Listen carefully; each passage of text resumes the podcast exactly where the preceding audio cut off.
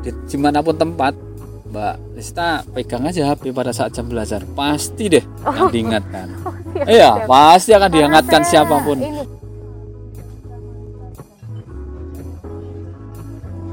Assalamualaikum warahmatullahi wabarakatuh. Halo sahabat inisiator, selamat datang di HiPod Human Initiative Podcast. Eh, terasa berbeda bukan? Kali ini podcasternya ada seorang mbak-mbak gitu ya yang mengambil alih Human Initiative Podcast. Perkenalkan nama saya Mbak Lista. Jadi saya sudah diberikan mandat oleh Mas Ian dan Mas Udin untuk menjadi podcaster dalam episode spesial kali ini. Episode ini juga begitu spesial gitu karena kita jauh sekali dari Semarang. Saat ini saya berada di ujung selatan Jawa Tengah di kabupaten yang paling selatan dan mungkin teman-teman udah sering mengenalnya dengan kabupaten yang memproduksi mie ayam dan bakso gitu. Selain itu juga di sini kabupaten yang agak susah air. Ada yang tahu di kabupaten mana? Di Wonogiri dan juga saya di kecamatan ujung selatannya lagi. Jadi ini benar-benar di paling selatan gitu ya. Saya berada di Pracimantoro, kecamatan Pracimantoro, Kabupaten Wonogiri. Oke, sahabat inisiator, kali ini saya tidak sendirian. Saya ditemani oleh salah satu kepala desa di Pracimantoro, tepatnya Kepala Desa Jimbar. Assalamualaikum Pak Tris. Waalaikumsalam warahmatullahi wabarakatuh Iya, jadi eh, saya bersama dengan Pak Sutrisno, Kepala Desa Jimbar gitu ya. Eh, ya, saya persilahkan Pak Tris buat perkenalan dulu deh, silahkan Pak. Iya. Assalamualaikum warahmatullahi wabarakatuh. Saya Sutrisno, Kepala Desa Jimbar, Kecamatan Pracimantoro, Kabupaten Wonogiri. Eh, Hari-hari yang rasanya luar biasa hari ini, istimewa bagi saya dan bagi desa kami gitu ya. Eh, sore yang cerah, kebetulan ada Mbak Lista yang eh, bisa menemani kami bersekeluarga karena ada istri dan ada anak-anak di sini dan eh, terima kasih sudah rawuh sini Mbak Lista terima kasih mudah-mudahan beri manfaat dan barokah untuk semua warga desa kami desa Jimbar Amin. tercinta Iya. Jadi benar yang diberikan dijelaskan Pak Tis tadi ya. Jadi teman-teman di sini tuh kita lagi recordingnya di tepi sawah gitu. Di taman literasi. Gila, keren banget nih desa Jimbar gitu. Punya taman Iya. literasi dan di dekat sawah. Jadi ini suasananya sore mendekati senja. Terus ada angin sepoi-sepoi. Ya, ini anak kalau anak ini di sini banyak sekali puisi yang akan terbuat kayak gitu. Ya, jadi eh, Pak Tris ini sudah berapa periode Pak jadi kepala desa? Insya Allah dua periode ini tahun kedua Tahun periode kedua kedua. Padahal Iya. kalau kepala desa itu berapa periode Pak? Tiga. bisa tiga periode Oh bisa tiga, Iya. tiga periode. Insya Allah Insya Allah lanjut. Insya Allah. Insya Allah lanjut. mudah-mudahan tidak ada manah yang lain Weh, itu aja mantap. dulu Karena tuh sebenarnya ya sahabat inisiator sekalian, Pak Tis ini tuh kalau boleh saya bilang jadi kepala desa favoritnya para warga desa Jimbar gitu. Ya kan Pak? Insya Allah mudah-mudahan Gitu, jadi sudah dua periode dan ini tahun ke dua periode kedua tahun kedua Oh, berarti kalau tepatnya tanggal 23 Desember kemarin Oh, oh, baru aja nih Pak. iya Padahal kalau satu periode itu kepala desa berapa tahun Pak? 6 Oh, tahun enam tahun. Iya. Berarti masih empat tahun ya untuk periode kedua ini. Betul. Siap luar biasa. Dan eh teman-teman kalau tahu gitu ya kondisinya Wonogiri, apalagi Pracimantoro itu yang saya sebutkan di awal tuh eh, benar-benar kalau saya bilang pelosok tersinggung nggak Pak? Enggak, enggak. Emang realitanya begitu. Memang realitanya begitu. Dan sebenarnya saya pun juga berasal dari sini ya Kecamatan Pracimotoro, Kabupaten Wonogiri tapi berbeda desa dengan Pak Tris. Dan memang kondisinya pelosok gitu terbatas. Mungkin akses informasinya tidak semudah orang-orang kota tidak sebanyak gitu ya. Dan akses internet akses informasi mungkin laju penduduknya juga tidak segampang kita gitu pada biasanya. Cuma mungkin pas corona ini memang laju penduduk kota agak terbatasi, tapi kalau yang Pracimantoro ini kondisinya gimana Pak? Kalau COVID? Ya, Hijau ya? tetap terbatas. Masih Eh, hijau, hijau. masih hijau ya, ya. Iya, Alhamdulillah. Ya karena warga juga masih beraktivitas seperti biasa. Iya. Iya, jadi Pak Teris ini benar-benar putra daerah Jimbar dari kecil ya Pak di sini. Iya, betul. Nah mungkin bisa Pak biar teman-teman inisiator juga tahu gitu kondisinya gambarannya desa Jimbar bisa dijelaskan Pak monggo Pak. Ya, ini kebetulan tadi Mbak Lista eh, katakan bahwa ini kita di tepi sawah gitu ya.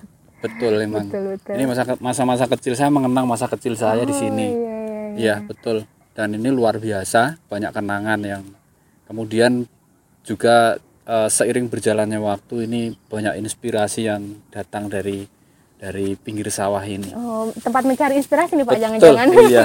Saya sejak SMP saya sering jam 3 malam itu mandinya di sini gitu ya. Karena ini juga deket sungai ini. Iya, ada ada apa sumber air kecil-kecil namanya belik gitu ya. Jadi jam 3, jam 4 sampai subuh menjelang subuh itu saya sering di sini.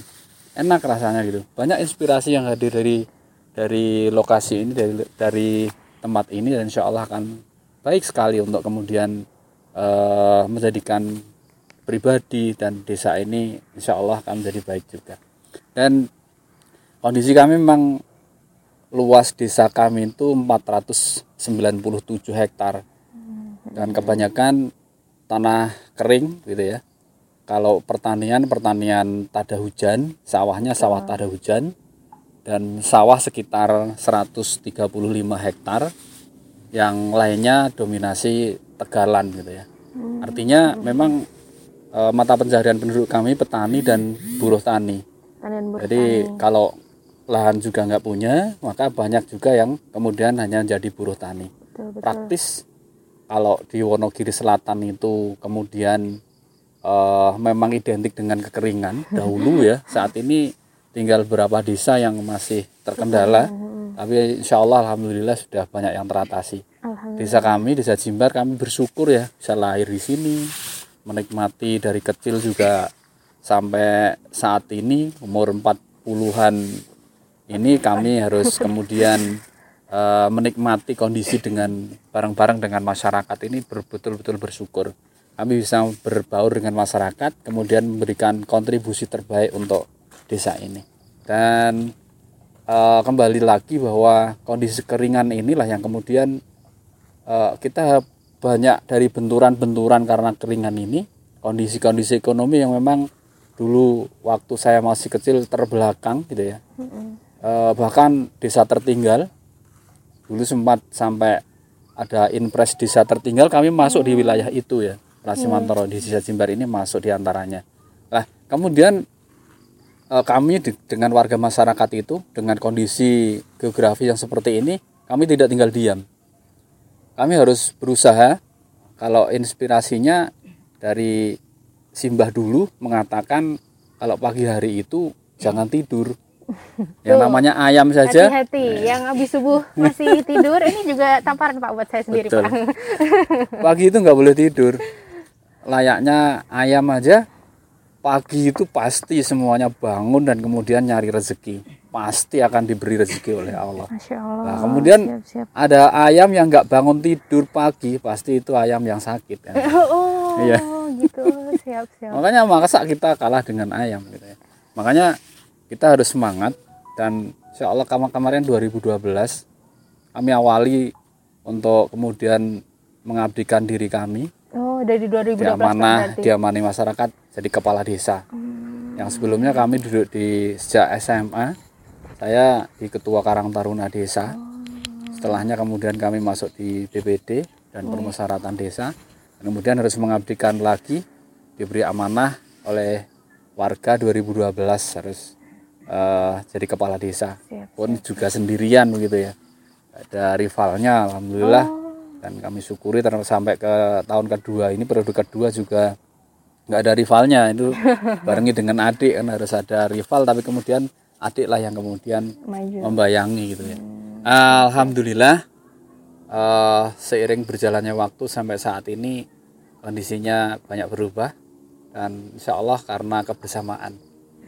Eh, kami ada tujuh dusun Iya. 14 RT dan penduduk kami ada 2773 jiwa 2000-an. kakak kami di desa Jimbar ini ada 904 kepala keluarga Siap, siap. semuanya alhamdulillah sehat masa pandemi ini kami tetap bertahan dengan baik karena protokoler kesehatan yang ketat kami lakukan tidak lepas dari sosialisasi kepada masyarakat mengajak untuk tetap terus eh, melaksanakan mendisiplinkan disiplin protokoler kesehatan alhamdulillah mudah-mudahan Allah selalu melindungi kami dan masyarakat kami begitu Alhamdulillah. kondisi seperti itu Mbak Siap, Pak. Lista Ya berarti dari kecil memang udah da- di desa Jimbar ya, ya Pak. lahir di sini Padahal 48 tahun yang lalu 48 tahun di bertahan loh bisa bertahan gitu.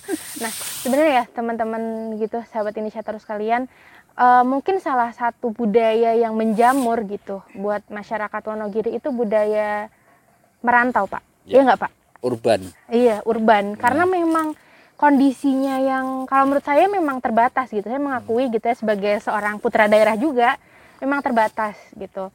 eh apalagi kalau yang di Pracimantoro terbatas secara air kebutuhan air padahal itu penting banget gitu. Nah, saya sendiri sudah merantau ke Semarang sejak 2014 Hmm, dan sampai saat juga. ini masih masih bertahan di Semarang. Belum belum ada niatan pulang gitu. Jadi bahkan sempat ada ini ya Pak jargon bupati siapa ya? Saya agak lupa yang bangun desa eh sorry.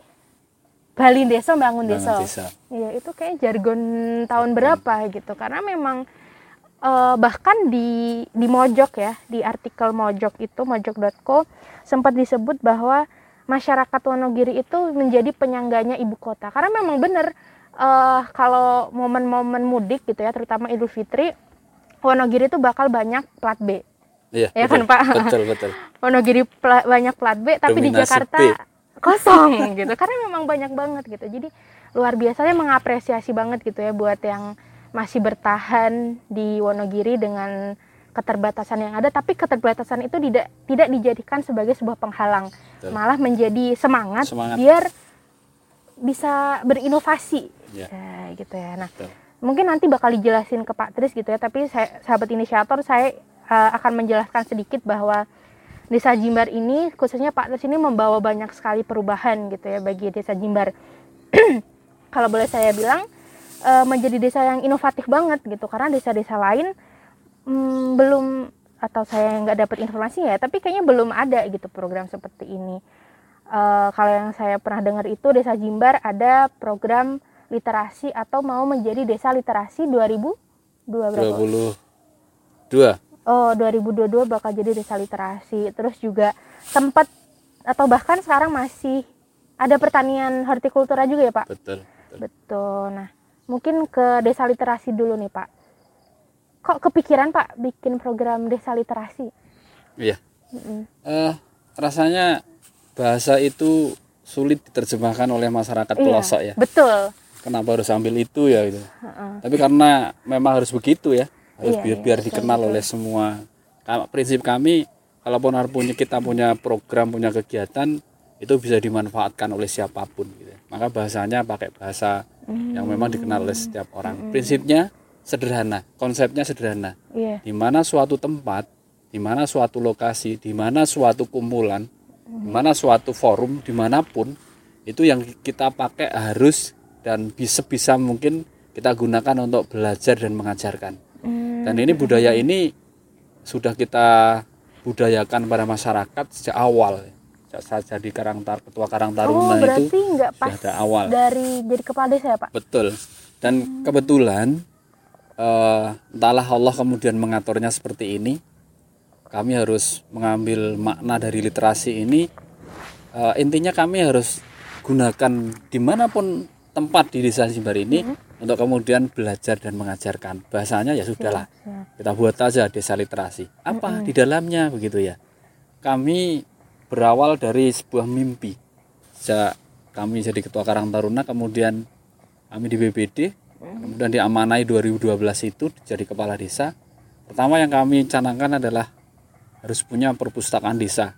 Harus bisa mendirikan PAUD Hmm, kelompok bermain Sebelumnya belum ada, Pak? belum ada harus mendirikan masjid masjid musola gitu ya TPK TPA dan kemudian kajian-kajian gitu ya termasuk eh, ada pojok-pojok baca setelah itu kemudian setelah itu tercapai semua alhamdulillah lancar gitu ya karena dukungan semua masyarakat. Eh, dukungan masyarakat ini kemudian muncul timbul karena ada trust, Oh, ada betul. kepercayaan dari masyarakat, sehingga Betul betul. betul-betul semuanya sinergi begitu ya. Sudah akhirnya sinergi tiada henti, semuanya sinergi. Kemudian trust itu timbul, trust kepercayaan masyarakat timbul karena prinsip pembangunan kita kita laksanakan dan realitanya betul-betul kita bahasa Jawanya dicak ke tenanan gitu ya. Apa itu transparansi? ya. Betul-betul dengan masyarakat kita sampaikan apa adanya. Partisipasi yang kedua, partisipasi masyarakat ini harus betul-betul nguwong ke uang ini semuanya dan ini jadi budaya. Apa pun itu, apa pun kegiatan, apa pun di ada acara, apa pun ada kegiatan apa pun maka pelibatan masyarakat ini harus. Kemudian akuntabilitas kita kita jaga dan setiap kegiatan eh, prinsip yang keempat adalah eh, sustainable atau Sustainable. berkesinambungan. Nah, ini akhirnya muncul trust. Nah, dari trust ini yang kemudian nek wis wong Jawa katakan kabeh ki nggawe sehati. eh, saling percaya, maka diajak apa pun maka akan enak. Ini realitanya seperti itu dan alhamdulillah eh, perpustakaan kami, perpustakaan desa ini kemarin tahun 2017 juara satu. Lomba apa Pak? lomba perpustakaan kategori desa kelurahan se Ke kabupaten. Kabupaten Masya Allah. Jadi- mantap mantap. ini juara satu. Dan kemudian dari seiring berjalannya waktu kami buat sanggar belajar. Dalamnya dipakai untuk eh, kegiatan belajar mengajar anak-anak baik itu kegiatan seni keterampilan. Di situ ada bimbelnya eh, di situ ada perpustakaannya dan kita juga mendirikan pojok-pojok baca. Di setiap setiap dusun. setiap dusun dan setiap tempat. Di situ ada Oh. ada kegiatan umum pos ronda balai dusun sanggar masjid musola semuanya ada pojok baca.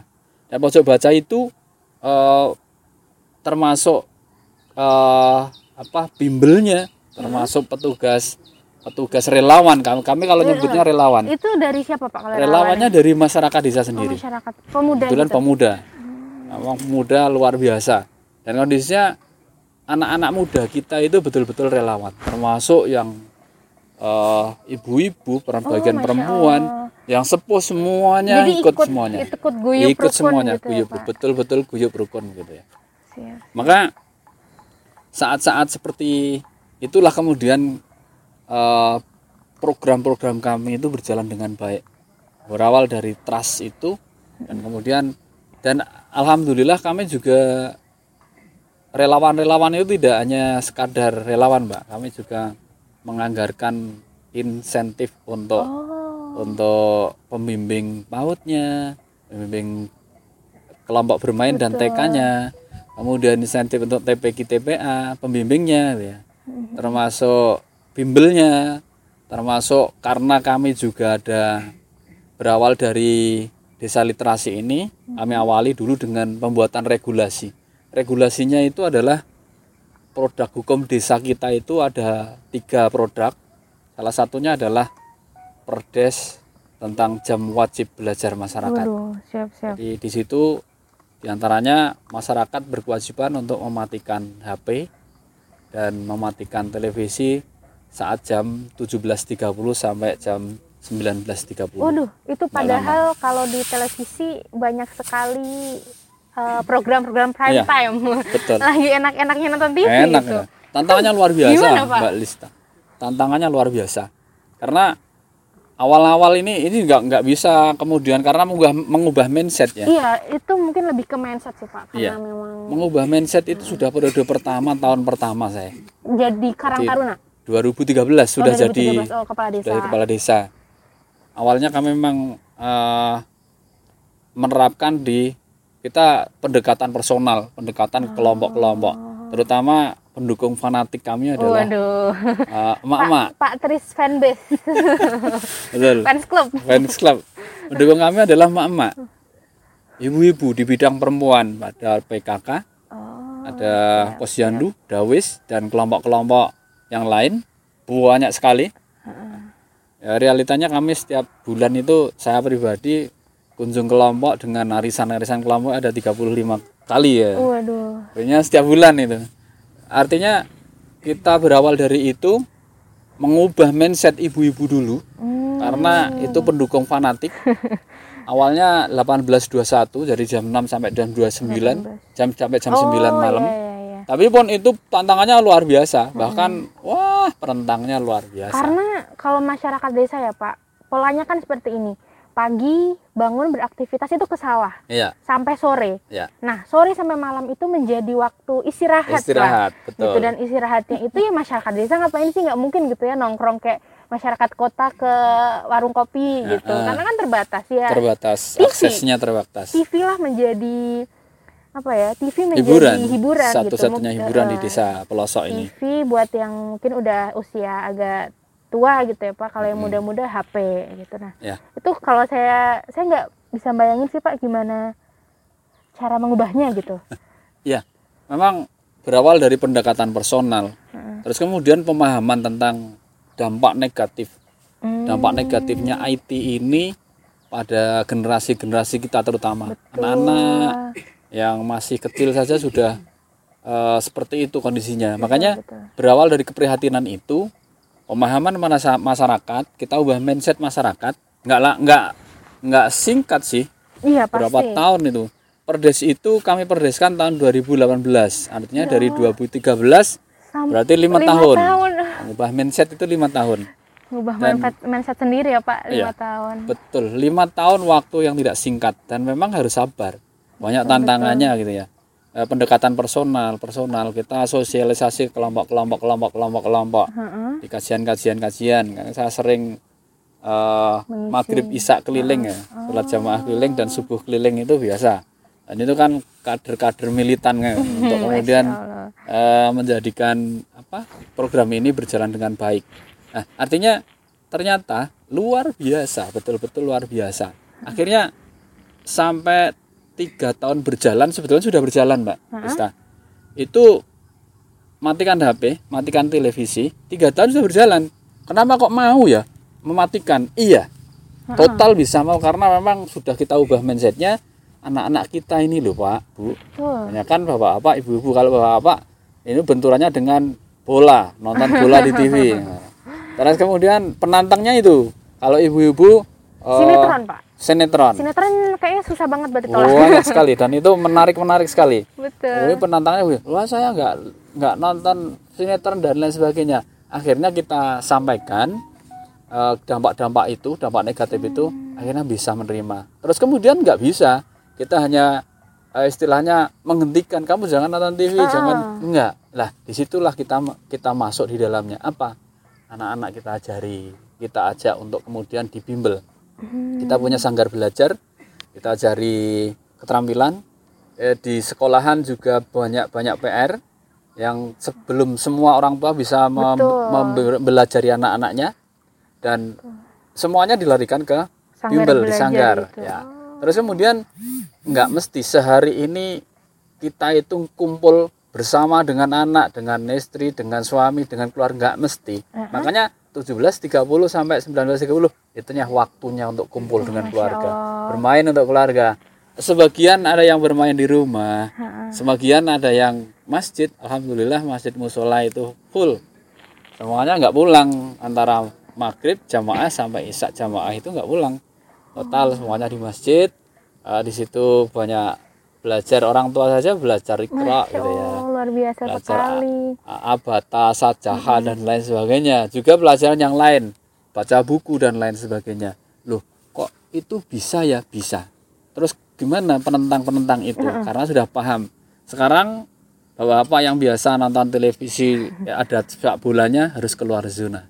Oh, berarti ada zona Keluar zona. gitu, Pak. Nah, zonanya kan mengikat di di Perdes nomor 4 2018 itu mengikat semua wilayah di Desa Jimbar nggak boleh. Oh, berarti Makanya keluar zona kalau ada sepak bola. harus ke desa sebelah. Nah, kalau ada voli, ada kegiatan olahraga di, Ya di televisi ada kegiatan olahraga dan kegiatan apa pun yang menarik, makanya harus keluar zona.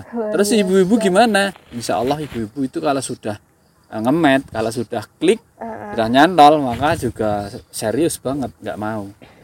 Bahkan anak-anak kecil saja sering mengatakan kepada orang tuanya, Yang jangan, Pak. iya, anak-anak, justru anak-anak. Jangan nonton TV nanti di- dimarahi Pak Polo. Wah, saya ini yang kena padahal nggak pernah marah ya. Kalau dulu Pak di awal sempat pasti ketika udah ditetapkan perdes berjalan gitu ada apa ya? Ada semacam inspeksi bukan inspeksi apa sidak gitu Iya. Pak. Betul kita Pengawasan gitulah, ya, pengawasan. Melista itu kita tidak hanya sekadar membuat perdes itu ya. Kebetulan timbul perdes itu sebenarnya kami nggak inginkan sampai ke perdes Oh. karena sudah berjalan dengan baik. Sebenarnya nggak sampai akan akan terbit perdes nomor 4 tahun 2019 itu nggak nggak sampai ke situ saya. Tapi karena ini eh, tuntutan dari satgas. Nah, ini Waduh, kemudian. ada satgasnya. ada satgasnya. Jadi sebelum Satgas COVID jam- menyerang ada satgas. Nah. Di Desa Jimbar udah punya satgas, tapi Ya, satgas lebih dulu. Satgas apa Pak namanya? Satgas jam belajar. Oh, satgas yang belajar. Satgas yang belajar Siap, itu terdiri dari, dari ketua eh, kepala dusun, kadus, Hmm. ketua RT, ketua RW, ketua TPPKK tingkat dusun itu. Tingkat dusun, Karang ya, Taruna ya? dan Linmas. Nah, akhirnya karena itu merata di semua semua dusun dan satgas tingkat desanya juga ada.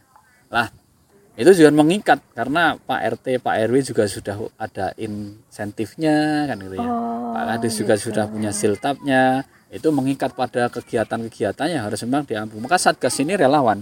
Oh, Nah. siap. Terus eh, satgas itu sambat. Pak, saya ngelek ke mengingatkan warga itu terbentur karena loh apa anu kok jenengan sampai larang-larang saya Iya. nonton TV. Iya tuh, pasti ada apa gitu, dasarnya Pak? Nah, ini benturan dengan satgas. Akhirnya apa?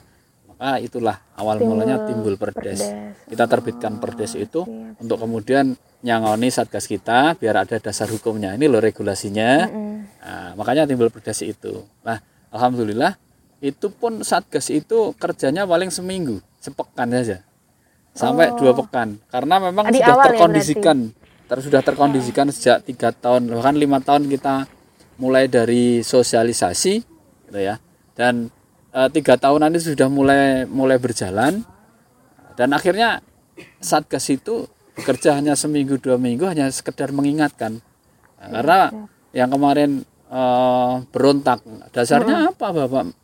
Melarang saya nonton TV katanya. karena ada perdes Udah ada itu yang mengikat aturan itu mengikat kepada semua warga masyarakat. Makanya jadilah perdes itu kemudian menguatkan semuanya lengkaplah sudah. Dan insya Allah itu berjalan dengan baik. Kalau Mbak Lista eh, boleh ngecek eh, setiap saat di mana aja di wilayah Jimbar ini saat ini di di mana pun tempat Mbak Lista pegang aja HP pada saat jam belajar. Pasti deh yang diingatkan. Oh, siap, iya siap. pasti akan Karena diingatkan saya siapa pun. Ini Pak, kalau main ke Jimbar belum pernah sampai malam kan, belum pernah sampai jam belajar. Jadinya belum pernah diingatkan gitu, belum pernah ikut jam belajarnya. Iya. Dan Makanya- ini juga di Taman Literasi ya Pak? Betul. Eh, kami ada Insya Allah ada nanti akan akan kita mulai di RKP kita kemarin KP itu? RKP itu rencana kerja pemerintah desa Oh, RKPD itu hasil dari musrenbang des kita karena semuanya tertuang di musrenbang des dan musrenbang des itu adalah amanah dari undang-undang desa untuk kemudian setiap kegiatan tahunan itu harus ada musrenbang dan eh, kami punya RPJM des rencana pembangunan jangka menengah desa dan desa literasi ini dengan sarana prasarananya dengan kegiatan-kegiatannya semua masuk di RPJM des kita. RPJM des itu rencana kerja eh, pemerintah desa rencana pembangunan jangka menengah desa itu enam tahunan satu periode ini. Satu periode berarti. semuanya masuk.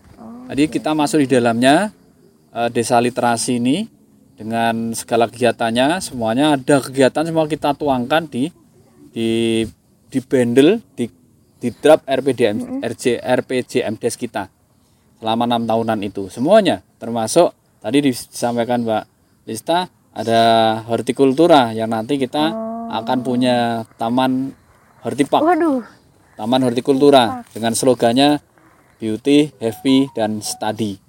Ya, Beauty? jadi indah, beauty, happy, dan oh study. happy. Di situ insya Allah akan menjadi pembelajaran kita nanti. Termasuk ada kaitannya dengan desa literasi. Lah kemudian taman ini, taman literasi ini adalah taman untuk baca.